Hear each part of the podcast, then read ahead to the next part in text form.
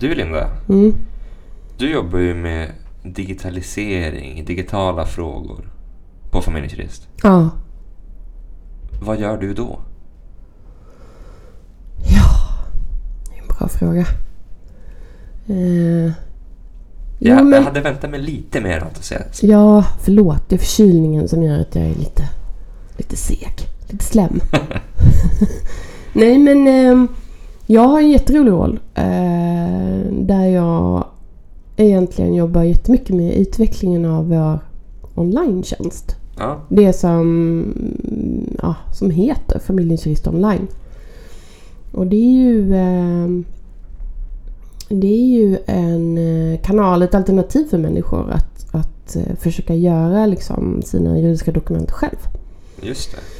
Så hos oss kan man ju välja om man vill träffa en jurist eller om man vill prata med någon per telefon eller om man vill försöka göra dokumentet själv. Och då har vi ju byggt en vägledningstjänst kan man säga. Det är inga mallar, det är väldigt viktigt. Nej. Det är inga juridiska mallar utan det är en rådgivningstjänst online. Mm. Där man som eh, privatperson lotsas då igenom eh, en tjänst. Man får svara på frågor, beskriva sin situation, eh, lämna själv sina uppgifter och på så vis kunna köpa i slutändan ett samboavtal eller äktenskapsförord eller vad det nu kan vara. Och då blir den handlingen anpassad efter de här frågorna man har besvarat. Ja precis, så det blir ju en juridiskt korrekt handling. Det man ska vara uppmärksam på där är ju att, att säkerställa att, att den är ändamålsenlig också. Bara för att någonting är juridiskt korrekt så Mm. kanske det inte betyder att det blir så som jag ändå har tänkt. Ehm, så att vi brukar säga att det är ju ett, ett, liksom, det är ett komplement till eh, vår juridiska service. Men skulle du säga att den typen av tjänst lämpar sig för mer enkla förhållanden och inte komplexa situationer eller? Ja, alltså vi är väldigt noga med i tjänsten att synliggöra när man behöver egentligen prata med en, en jurist. För att det finns ju givna enkla situationer eh, där det passar väldigt bra att göra ett dokument själv. Mm. Ehm, har man egendomar utomlands, har man särkullbarn, ehm, har man för avsikt att flytta eller nå- Det är inte alltid lämpligt att Nej. göra det själv och det försöker vi synliggöra tydligt. Ehm, men men på de allra vanligaste situationerna, när ingenting särskilt sticker ut, eh, där kan det vara lämpligt. Men, men eh, vi tar ju liksom hand om kunden i tjänsten på det viset att vi synliggör ju genom att man får besvara på frågor att Oops, här har du svarat på ett sätt som gör att vi bedömer att du måste nog prata med en jurist för att säkerställa att det här blir rätt. Ehm, så ja, den är tänkt att tänk, eh, liksom täcka vanliga situationer. Ehm, och kanske det allra bästa där är ju att, att man kompletterar med att stämma av med en, en jurist så att man säkerställer ändamålet också med, med handlingen.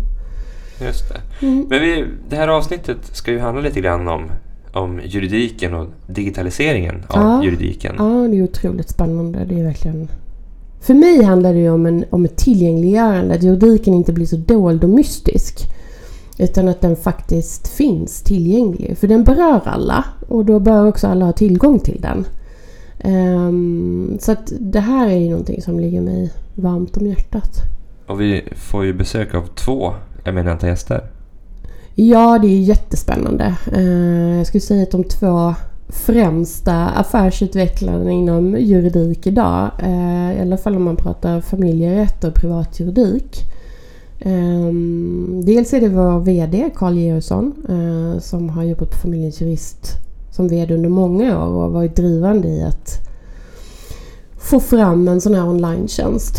Och sen är det ju VD Magnus Stein på eh, Avtal 24 Just det. Eh, och Avtal 24 har ju verkligen drivit på den här digitala utvecklingen. Så det ska bli jättespännande att höra vad de har att säga om digitaliseringen och hur den kommer påverka dels branschen men framförallt kanske för vanliga människor. Vad betyder det? Ja. Ja, men vi kör igång. Ja!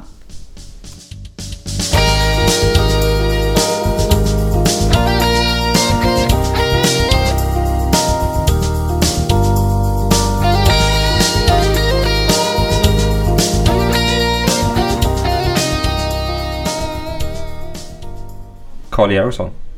Hello! Välkommen! Tack så mycket! Välkommen in i poddvärmen får man säga. Vi ville ha med dig ett tag och tänkte att det här blir ju perfekt tillfälle. Ehm, vi pratar lite grann om juridik och digitalisering av juridiska tjänster idag. Och eh, du som VD för Familjens Jurist har ju ja, men, haft en bidragande roll i, i Familjens Jurist utveckling av, av den pjäsen så att säga. Eh, och därför ska det bli jättekul att få prata om det med dig. Men du får jättegärna börja med att introducera dig själv lite grann. Mm, ska jag försöka göra. Eh, eh jag är 50 år kan man börja med. Eh, bor här i Stockholm. Eh, är jurist ifrån början så att jag pluggade i Uppsala en gång i tiden. Sen började jag på en sån här ganska traditionell domarkarriär. Så jag satt ting och jag var inne en avdelning på hovrätten. Sen var jag iväglockad in i de privata gränderna och började på en advokatbyrå och jobbade där ett antal år och blev advokat. Men så insåg jag väl att eh, det blev inte så mycket roligare med den titeln. Eh, och jag var inte så där hemskt hugad av att eh, jobba många år för att bli delägare. Så då bytte jag spår och blev chefsjurist på ett bolag. Eh, och sen ganska kort in på det jobbet så upptäckte väl jag och min arbetsgivare att jag passade bättre eller mindre illa beroende på hur man ser det då. Att, att sitta som och sköta affärsförhandlingarna snarare än att skriva avtalen som blev ett resultat av dem. Så att det slutade med att jag först blev ansvarig för ett affärsområde och sen till slut VD för det bolaget. Och eh, de senaste 15 åren ungefär då har jag mer jobbat med ledarskap, vd-skap och verksamhetsutveckling. Och bara tittat lite från sidan på alla duktiga jurister. Och på Familjens Jurister har du varit VD i sju och ett halvt år. Ja. Ja, tiden går fantastiskt fort. när man har roligt. Ja, verkligen. Mm. Ja, men under de här sju, sju och ett halvt åren så har det ju hänt väldigt mycket eh, för Familjens Jurist. Eh, och om vi fokuserar lite grann på den digitala biten. Vad är det egentligen man har gjort under de här åren? Alltså det har ju hänt väldigt mycket hos oss och i, i, i runt omkring oss också. Jag brukar ju till att börja med dela upp när jag pratar om digitalisering, titta på både den interna och den externa delen. Så att säga. Det, mycket handlar ju om våra eh, arbetssätt, våra systemstöd och det är otroligt viktigt att digitalisera sig där så att vi jobbar på ett effektivt sätt. Sen har vi digitaliserat stora delar av vår marknadsföring. Väldigt stor del av vår marknadsföringsbudget går ju ut genom digitala kanaler. Och sen så det man oftast nu när man pratar om digitalisering så pratar man om hur man digitaliserar leveransen av juridiska tjänster till kund. Eh, och, och det är ju en väldigt spännande resa och, och får stora effekter i våran bransch och i många andra branscher. Och där har vi, vi tagit våra steg de senaste två åren kan man väl säga. Eh, att på allvar kunna börja leverera juridik digitalt. Ja, men de digitala satsningarna har ju synts inte minst i att eh, Familjens Jurist fick ju också bidrag av Vinnova förra året. Eh, berätta lite om det projektet. Ja men det är ett jättespännande projekt. Det, det är ju en väldigt viktig del av vår verksamhet att hjälpa folk med bouppteckningar i samband med, med anhöriga avlidit. Och där finns det idag inget bra verktyg som kunderna kan använda sig av. Eh, och det kommer ta ganska lång tid att utveckla det också. Men eh, statliga Vinnova utlyste ju eh, så att man kunde få stöd för att utveckla ny eh, digital, eh, digitala lösningar inom det. Så att där har vi fått ett jättefint bidrag. Så där har vi ett projekt. Väldigt, tech, väldigt duktig Liksom. projektledare. Ja, för övrigt. För övrigt heter Linda. Så den är jättespännande. Det kommer nog ta ett, ett par år. Men, det, är, en stor, stort behov. Så Jag tänker att vi som juristbyrå också liksom kliver in i någonting som... Det här är ju en utlysning inom legal tech. Mm. Eh, som har blivit ett begrepp och faktiskt givit oss en, en ny plats också. Där vi som juristbyrå går in i ett legal tech-projekt. Det säger en del om vad branschen faktiskt står inför och vad, vad som håller på att förändras. Och så jag, jag tror, ska man lyckas göra eh, juridiken digital och enkel så måste man både vara djupt tekniskt kunnig så att man har rätt tekniska lösningar, rätt UX-lösningar. Men, men juridik är i många avseenden fantastiskt svårt. Så att du måste i grunden också ha en skicklig jurist som kan skapa de lösningarna och guida användaren så att det blir rätt. Eh, så att därför tycker jag det är alldeles logiskt att vi går in och i, eh, i Vinnova-projektet så har vi också en jätteduktig teknisk partner som vi jobbar med. Så att vi står för den djupa juridi, juridiska kompetensen och de kommer med de tekniska lösningarna. Mm. Det är jättespännande att följa det där. Men om man tänker sig då för familjens jurist, vad, vad, vad har det betytt eh, att vi har valt den här vägen? Att, att också erbjuda rådgivning digitalt? Alltså, det, det, är ju att vi har gjort det vi har gjort, det är ju rotat i liksom en övertygelse om att det här är det långsiktigt hållbara för en juridisk verksamhet. Kunderna måste få välja det leveranssättet som passar kunden i den givna situationen. Ofta är det ju så viktiga saker och, och så mycket på spel så att kunden vill faktiskt både ta tiden och kostnaden att sitta ner med en expert och prata tillsammans som vi gör nu. Mm. Eh, och då ska vi finnas med det leveranssättet, det traditionella. Ibland så eh, räcker det med telefonsamtal eller webbmöte eller geografin kanske inte fungerar för någonting annat för man sitter nere i Sydney och behöver hjälpen. Då ska vi finnas med det leveranssättet. Och är det en kund som är tillräckligt trygg eh, och vi lyckas skapa tillräckligt bra digitala lösningar så att kunden faktiskt kan ta det hela vägen in i mål. Ja men självklart ska vi erbjuda det. För det är ju, det är ju faktiskt bättre att någon guidar sig igenom ett digitalt verktyg och faktiskt skriver sitt samboavtal eller äktenskapsförord än att det inte alls blir gjort. Och det är väl någonting för oss som är inne i branschen att man måste verkligen eh, acceptera den tanken. Men det är otroligt viktigt att vi förklarar för kunderna vad skillnaderna och konsekvenserna är av de olika leveranssätten. Det är bara att ta en sak. Tittar man på, på alla digitala tjänster som levereras så finns det ju en liten asterix längst ner i de allmänna villkoren att det finns inget rådgivningsansvar. Så att om kunden tänker fel eller missuppfattar instruktionerna och landar i en juridisk felaktig lösning så, så finns det ingen som har en ansvarsförsäkring som kliver in och tar det ansvaret. Mm. Medan när man kommer in till oss och får en, en rådgivning av en jurist då är det den juri, juristens ansvar att se till att det inte händer. Och misslyckas man, ja då får man ersätta det man ställer till med. Ja, vi pratade lite grann om just den här ändamålsenligheten. Att, att eh, det digitala liksom producerar ju såklart juridiskt korrekta handlingar men att de inte används eller uppfyller ändamålet som man, som man har med dokumentet.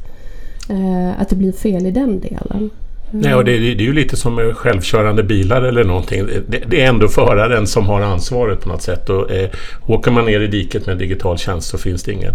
Och jag menar, så här långt så är ju min erfarenhet av att titta på våra kundflöden och diskussioner att den överväldigande majoriteten vill faktiskt ha hjälp. Du gör det här så sällan. Du skriver bara ett testamente i livet. Eh, du, du drabbas om du har tur kanske inte av att behöva ta hand om så många dödsfall. Så att det är väldigt skönt att få hjälp och vara trygg.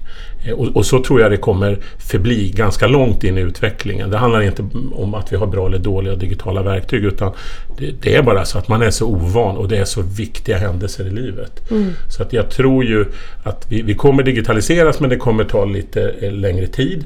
Och framförallt det vi ser, den juridiken som digitaliseras bäst och snabbast, det är ju den juridiken man behöver konsumera ganska ofta. Det är därför företagsjuridik enligt mitt tycke eh, lämpar sig bättre eh, som, som eh, digitala tjänster. Mm. För att om du behöver göra bolagsstämmoprotokollet eller emissionshandlingarna en gång om året eller vartannat år, då blir du en van köpare och vågar lita på de digitala tjänsterna. Du upparbetar en egen kunskap liksom på vägen också. Ja. Precis. Familjejurister är ju inte ensamma på marknaden heller att, att jobba med den här typen av lösningar. Det finns till exempel Avtal24 även andra aktörer eventuellt. Um, hur, ser, hur ser det ut om man ser det i ett större perspektiv på marknaden? Skulle du säga? Ja, alltså för det första är det ju liksom eh, konkurrens är ju kul och viktigt. Jag menar den familjejuridiska arenan som vi håller på inom den omsätter ju ett antal miljarder. Så att det finns gott om plats för, för olika aktörer och, och, och framförallt de som vill utveckla nya sätt att leverera juridiken. Eh, så jag, Avtal 24 har jag ju tittat och följt under många år och tycker de gör ett fantastiskt jobb. Eh, skapat väldigt användarvänliga tjänster eh, och har en väldigt bredd i sitt produktutbud. Eh, och då får vi hitta saker som gör att vi sticker ut ifrån vårat håll. Eh, att vi har våra tre leveranssätt så att vi kan komplettera med våra kontor runt om i, i hela landet till exempel. Eh, och sen ska ju vi konkurrera med både kvalitet och pris och sånt. Och då får man ju en fungerande marknad. För det är väl ofta den kritiken man möter när det gäller juridiken, att det är en svår marknad. Att eh, konsumenten inte kan bedöma priserna i förväg. Det är svårt att bedöma kvaliteten. Och i många sådana delar så kan ju digitalisering hjälpa till. Så att också juridiken och vi alla som jobbar med det måste förflytta oss. Ja, det är det som är lite spännande om man tänker på, på längre sikt just. Vad betyder det här för, för våra kunder, alltså människor som vill köpa juridik? Om man tänker sig tio år framåt, den här digitaliseringen som vi ser, vad, vad tror du Kalle att det kommer att betyda? För människor? Ja, det första man får inse det är ju att vad man än tror så har man ju antagligen fel. Ja. Ja, det har man lärt sig när det gäller digitalisering och utveckling. Men, men jag tror ju att, att eftersom det här är en sällanköptjänst en, mm. en, eh, med väldigt stora värden på spel så, så kommer det dröja ett bra tag innan digitaliseringen verkligen tar åt sig stora volymer. Och det kanske är bra för oss andra då som hinner ställa om oss. Det kanske är på 10-15 års sikt. Eh, men, men för att det ska ske så krävs det ju både att använda användarna då blir mer vana att använda digitala tjänster för saker man inte har gjort tidigare. Och det är ju på gång med kryappar och vad det nu kan vara. Men sen måste vi också utveckla våra digitala tjänster så att de känns tryggare. Mm. Att de, de eh, fungerar bättre helt enkelt. Och sen någonting vi kan bidra med som branschledande det är ju bara genom att sätta vårat namn på produkten så borgar ju det för att det håller en viss kvalitet. Mm. Så att när vi lite större och i vårt fall branschledande aktörer ger oss in och tar matchen i digitaliseringen då tror jag det kan gå ännu fortare. Och där är vi ju onekligen nu. Men, mm. men om, om det digitala idag har inte ens en enstaka procent av den totala marknaden vad det gäller familjejuridik så kanske den har 10 procent om fem år eller någonting sånt. Men, mm. men eh, jag tror det kommer ta lite tid. Ja, just det. Tack så jättemycket för din medverkan. Ja, Jättetack Kalle, tack kul att ha dig här. Mm.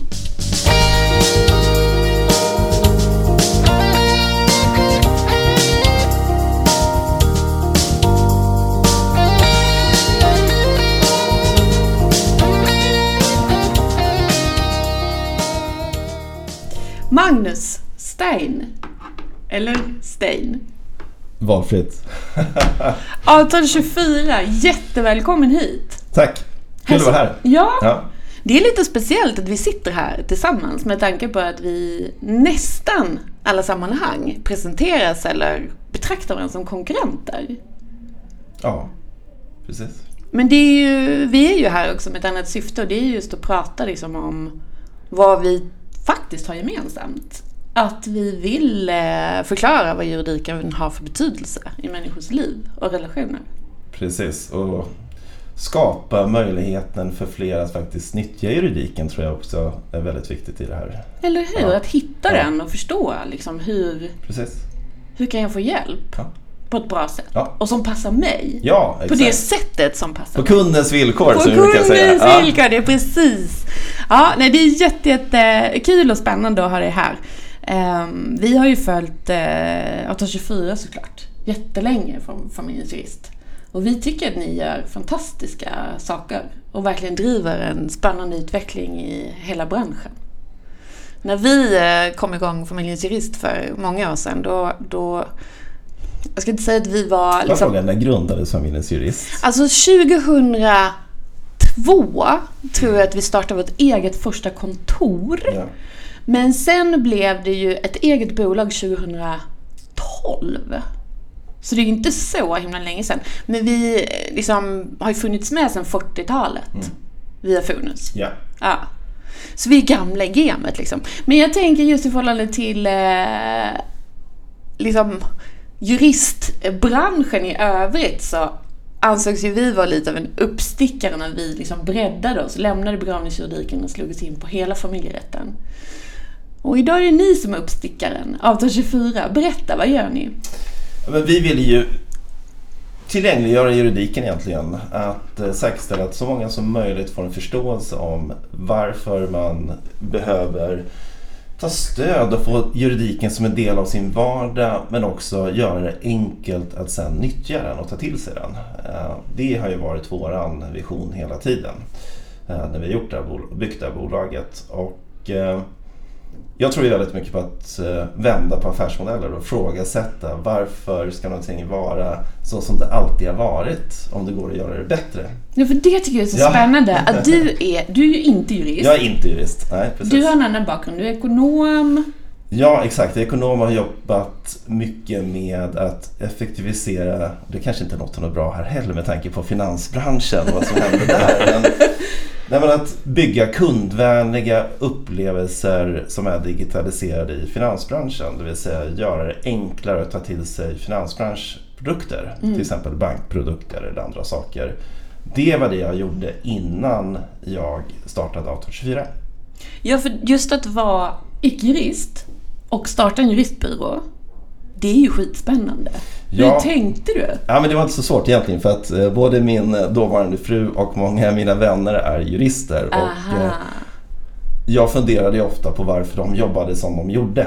Ja. Och sen när man kommer från bankbranschen så vet man ju också hur, hur nära det hänger ihop med familjejuridik och finansiell rådgivning. ja, det är trygghet Ja. alltihop. Eh, och eh, vilket gap det fanns där i möjligheten att ta till sig kunskapen för juridiken. Man var väldigt duktig utifrån ett banksperspektiv till exempel att sälja sparande produkter, låneprodukter och eventuellt försäkringsprodukter. Men det som kopplade ihop allting och som var sammanhanget till varför man skulle kanske välja respektive del var ju också hur familjen såg ut. Ja.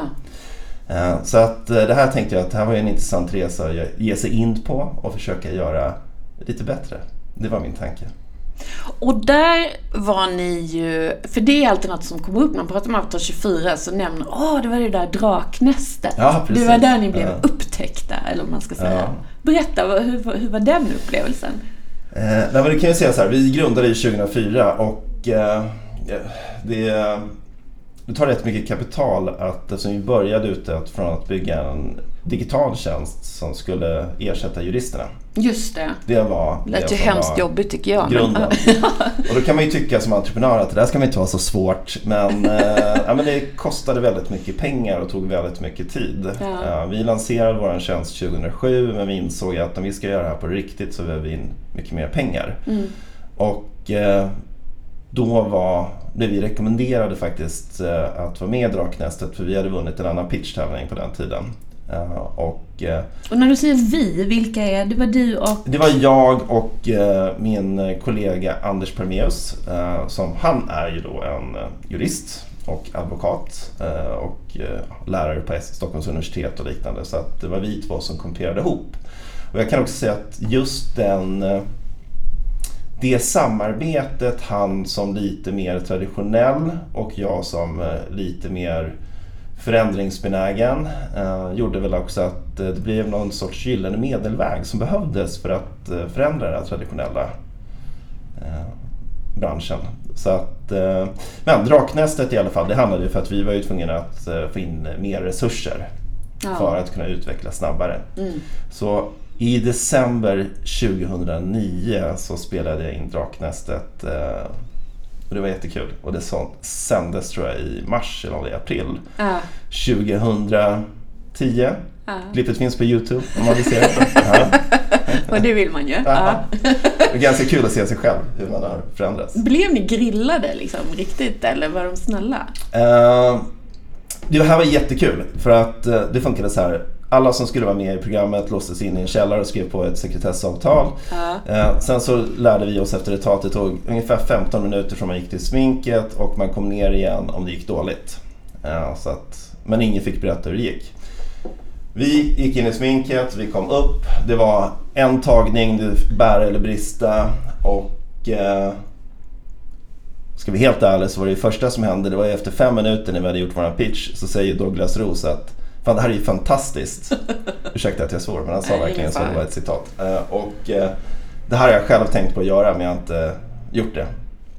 Eh, så Då måste ni ha eh, fått självboosten och våga Ja, liksom. nej, men det var jättekul. Ja. Och sen så var det, vi stod där en timme, de klippte ner det här till tror jag sju minuter. Ja. Och det var en jättebra diskussion. Samtidigt så blev vi ju grillade men vi hade ju gått igenom tidigare och stått på private banking-möten och med andra finansiärer tidigare och svarat på många av de här frågorna. Eh, Så att eh, det gick bra, det var jättekul. Jätte, Ja. Jättehäftigt, verkligen. Ja. Men, men är ni då det man skulle säga kanske en av Sveriges första legal tech-projekt så att säga? Jag skulle säga så att vi är ett av, eh, vi är nog det första riktiga europeiska legal tech-projektet. Ja, Till och med på den ja, nivån är det. 2004 när vi startade så fanns det egentligen bara LegalZoom i USA som hade startat men de var helt okända. Mm. Eh, och eh, jag tror också vi var absolut först i Europa att få in eh, externa finansiärer som i ett, någon som vill förändra och göra juridiken bättre för att det är någonting svårt. Absolut, absolut. Eh, sen Draknästet-storyn så har det gått ett decennium ungefär. Ja, Vad har hänt sen dess skulle du säga med 824? Ja, men jag kan egentligen säga att det har väl varit två saker. Det ena är ju att bygga trovärdighet. I den här branschen är ju någonting som är en trovärdighetsbransch. Eh, där eh, el, alltså, om det inte finns, om man som kund inte har sett att det finns ett alternativ till en jurist eller en advokat. Kanske det där är samma i många kunders eh, Jag tror de också. flesta tänker att det är ungefär samma sak. Ja. Det är få som vet den exakta skillnaden Ja. där. Ja. Nej, men om det är det som man ser att det är det sättet som tjänster erbjuds på eh, så har man ju ganska stor... Man behöver ju driva förändringen på marknaden. Och eh, även ifall, eh, så jag brukar prata med många ute i Europa som gör det här också, det finns ju en, en teoretisk självklarhet varför man ska göra det på det nya sättet. Men det finns ju en, en svårighet att ta till sig ett nytt sätt på marknaden utifrån ett kundperspektiv. För att det handlar om trovärdighet och jurister är väldigt bra på att säga att du måste träffa en jurist. ja, det är vi det är, liksom, det är så liksom. avslutar nästan alla jurister Ja. med att säga att du måste träffa en jurist. Ja, prata med brukar vi säga Ja. nu för tiden. Mm. Ja. Ja, nu är du pratar. Det är bra att vi har lyckats skriva på det dit att det kan bli distansmöten och det tycker jag är jättekul. Mm. Men det har handlat om att eh, bygga trovärdighet, bygga distributionsmodeller och bygga organisation. Idag är vi ett ganska stort företag Mm. eh, med väldigt många jurister som jobbar. Eftersom vi, från början var ju vi en ren digital tjänst men 2012 så började vi anställa jurister som jobbar på distansen. Det vill säga så du kan prata med via telefon eller via videorådgivning i dagsläget till exempel. Mm. Eh, och eh, ja, vi, det är ju kunden som måste välja. Ja. Det är ju det det handlar om. Så här. Vad är det bästa sättet att möta min juridiska aktör och få juridisk hjälp som passar mig? Ja. För ibland kan det vara via webb, ibland kan det vara via telefon, ibland kan det vara via video. Det, det kan vara via mail också, men det är Ja. via chatt. Det, Ja. finns, det är kunden som måste välja och eh, det är det vi har byggt under de här åren. Vi är ju lite stolta nu för tiden också med att ehm, om vi inte är legal tech, för det är vi ju inte, men vi har i alla fall fått finansiering till ett legal tech-projekt Ja, precis. via Vinnova. Ja. Um, och där har ju vi startat upp eh, ett jättespännande projekt då med en teknisk aktör. Vi är ju inte liksom tekniker här, utan vi är mestadels jurister. Men där har vi hittat en partner där vi ska försöka då um, bygga en digital bouppteckningstjänst. Mm. Och där är det precis som du säger, att man utgår ifrån, här sitter en människa, har förlorat en nära anhörig, eh, enligt lag är tvingad att inge liksom en, Mm. en uppgift, ett ganska svårt eh, administrativt liksom, dokument där man ska inhämta en väldig massa uppgifter, man ska kontakta försäkringsbolag och banker och verkligen en, en sån produkt som ju du också pratar om, där man kan göra skillnad och hjälpa. Ehm, så det tycker vi ska bli superkul eh, och se hur vi, om vi lyckas med det. För det är en ganska komplex eh, process. Ja. Men de enklaste situationerna tror vi oss kunna liksom täcka med den. Ja, Men det där är ju superintressant. Det är ju kul för att vi har ju samma utmaning med Vinnova som vi också har gjort. Ja.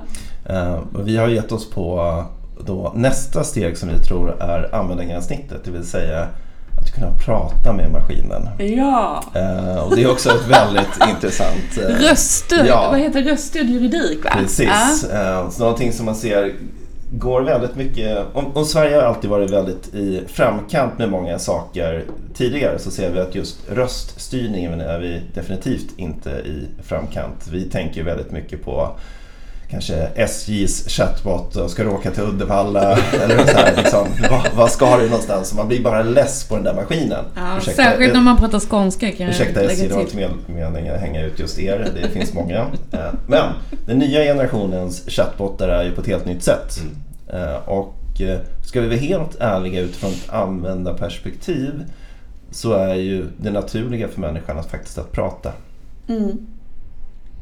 Så att jag tror ju att det kommer få en väldigt stor påverkan på framtiden. Men jag tror att det kommer ta några år. Ja. Absolut. Ja, nej men jag tänker också så här. Min lokala Coop-butik har precis tagit bort alla sina kassor.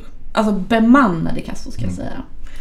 Gunilla, Ingbritt och Elisabeth som man då har byggt en relation med över tid. Man har handlat där varje dag i flera år. De finns ju kvar, men de sitter ju inte där och säger hej, ler, chitchattar, sticker till ens barnen någonting litet ibland. Och det är ju någonting också i den mellanmänskliga kontakten som Men- tillför någon typ av värde. Och det säger jag inte liksom utifrån att, att digitalisering inte är något fantastiskt, för det är det. Jag ser ju massor med fördelar i hur vi gör det nu. Men ibland kan jag känna en, en oro rent personligt att människorna, de försvinner väl inte Magnus? Nej men det här är ju, alltså det här, jag tycker ju det här är fel sätt att göra det på för att när man gör det på det sättet så skapar, då stänger man en kanal och så öppnar man en annan kanal. Ja. Och man gör det utifrån ett effektiviseringsperspektiv. Ja, de hävdar ju bestämt nej när Ja, vi men ifrågasätter. Men det, såklart så de måste det ju vara. Ja. Jag tycker ju att kunden ska få välja. Jag, är inte, jag handlar inte så mycket på nätet. Om jag handlar kläder då går jag till en butik och känner på grejerna. Om jag handlar möbler så går jag till en butik och så känner jag på saker och ting. Mm. Jag gillar den upplevelsen och jag är beredd att betala för den. Ja. Och det är det där som jag tror, sen visst ibland så kan jag köpa saker och ting på nätet också. Ja. Till exempel kläder om jag vet att det där är en bra klädesvara som jag ändå har testat tidigare eller en möbel som inte finns någon annanstans. Ja. Jag tror att kunden måste få välja. För att jag går också till den manuella kassan Mm. i butikerna. Ibland om jag ser att det inte är någon kö och lång kö i kassan såklart, då går jag till den digitala kassan. ja. Men jag tror också att det är kunden som måste välja och därför, för mig är det liksom självklart att mina kunder de ska kunna göra det digitalt. Mm. Men de ska även kunna prata med en jurist ifall Ja. de vill det. Det. Men då handlar ju det också så här, hur, hur gör vi den upplevelsen bättre? Hur bygger vi då, vi pratar Konsumkassan, hur bygger vi Konsumkassan och den upplevelsen när jag faktiskt kommer till kassan bättre? Mm. Ifall det var någonting där som var skälet. Vad, vad var skälet till att de tog bort kassan? Det är Ja. ju det som är frågan. Ja. Är det på grund av att effektivisera? Eller är det på grund av att kunderna vill ha det så? Eller vad, alltså, det är ju stora frågan. Men för mig är det viktigt att kunden måste få välja. Ja, och det jag hoppas är att Gunilla dyker upp ute i butiken och hjälper mig där istället. Eh, att hon inte försvinner liksom. Det skulle ju bli jättejobbigt. Jag älskar snabbkassorna. Gör du det? Man slipper ju köa. Ja. Man slipper folk som trasslar med varor. Ofta är det någon som har tagit någon specialfrukt som ingen vet koden till och så får man vänta i flera minuter. Så de glömt väga lösgodiset? Ja, Nej, men jag gillar snabbkassorna. Ja, men Jag, jag kan med. Ibland är det bra, ibland är det inte bra. Men det är upp till kunden att välja. Det är Exakt. det som är det Mm. viktiga. Men Emanuel, du måste bli stoppad där hela tiden för att det är så här läggkontroll på snus, cigg, eh, vad heter det, energidrycker. Ja, men jag har ju aldrig nyttjat tobak och energidrycker är ju för barn.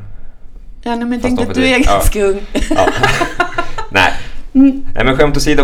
Alltså, om man tittar konkreta fördelar för de som vill nyttja digitala tjänster inom juridiken.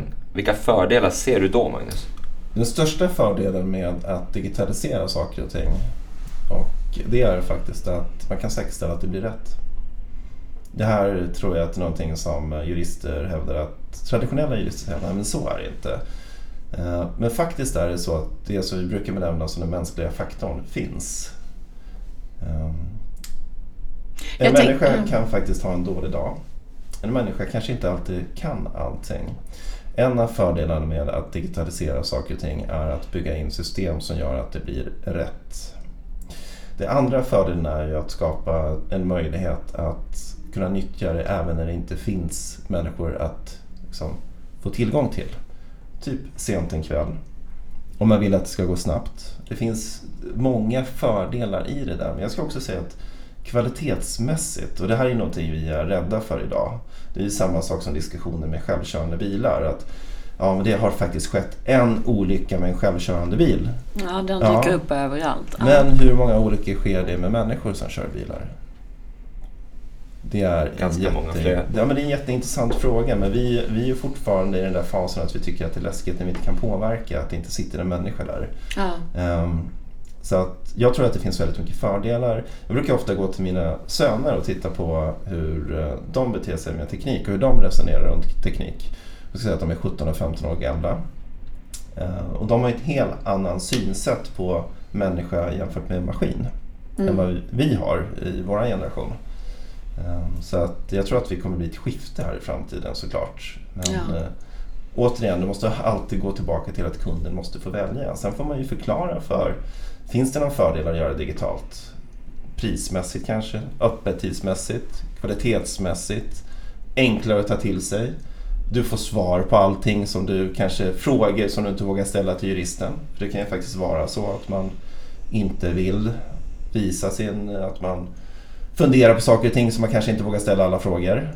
Om man digitaliserar saker och ting så kan man ju bygga in allt det här och du kan känna dig trygg och ta till dig de här olika delarna. Så Ja. det finns ju jättemycket fördelar med digitalisering. Jättemycket fördelar. Ser du några nackdelar? Eller farhågor? Eh, en väldigt bra fråga, men eh, egentligen inte. Men såklart det finns farhågor. En sak är väl, liksom, det är väl säkerhetsaspekten. Så kan vi säga så här, men hur säkert är det då om det ligger, om vi pratar juridik, massa akter på ett, eh, i ett kontorsrum eller att juristerna har med sig det i väskan hem. Ja. Eh, Det finns ju säkerhetsaspekter där också men såklart om man kan göra ett dataintrång så kan, det bli, kan man komma över mycket mer. Mm. Eh, Så jag ser ju, för mig är ju liksom datasäkerheten och liksom, de delarna viktiga också. Ja. Eh, och Sen så är det ju, finns det ju de som... Nej, men jag tror att det är det som är det, liksom, den stora grejen. Jag tror ju på digitalisering. Jag, Ja, det är såklart. är självklart. Jag Ja. tror att det kommer bli... Mycket blir bättre. Mm. Och eh, det är ju så jag brukar säga, jurister ska man nyttja när man har svåra frågor som man faktiskt inte riktigt kan ta reda på på ett annat sätt. Mm. Men där tror jag ju, det är ju idag.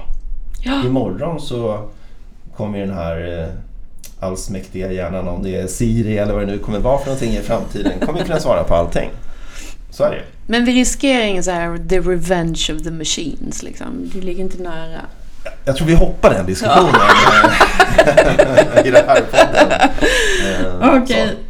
Men det låter i alla fall som att, att äh, människor med hjälp av då, äh, digitalisering, eh, att det finns tillgängligt, att man har olika alternativ som ni erbjuder, som vi erbjuder, att där gör vi tillsammans ett rätt viktigt arbete i att tillgängliggöra det här. Ja, och jag måste ju säga så här att jag tror det viktiga här är att när vi pratar digitalisering så är det inte att prata bara digitalisering till slutkonsument utan det handlar om också att göra juristens vardag enklare och bättre för att också kunna göra sig mer tillgänglig mot slutkonsumenten.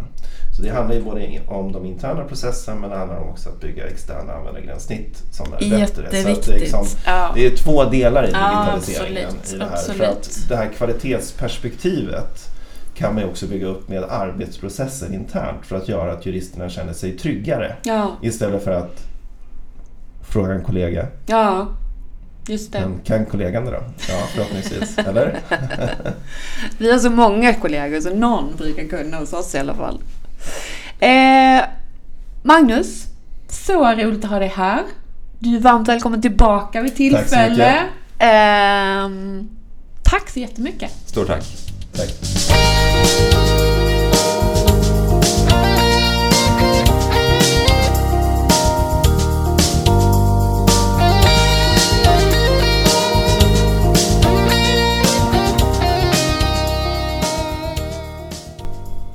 Du har lyssnat på Familjens Jurist Podcast. Vi kan kärlek, död och pengar. Med mig, Emanuel Otterhall och Linda Ljunggren Syding. Vill du komma i kontakt med oss? Maila podd at familjensjurist.se. Podd med två D. Och missa inte att du får 100 kronor i rabatt om du vill upprätta ett juridiskt avtal via våra online-tjänster. Gå in på vår hemsida familjensjurist.se så hittar du mer information. Uppge rabattkoden podden 2019 med stort P och två D för att ta del av rabatterna.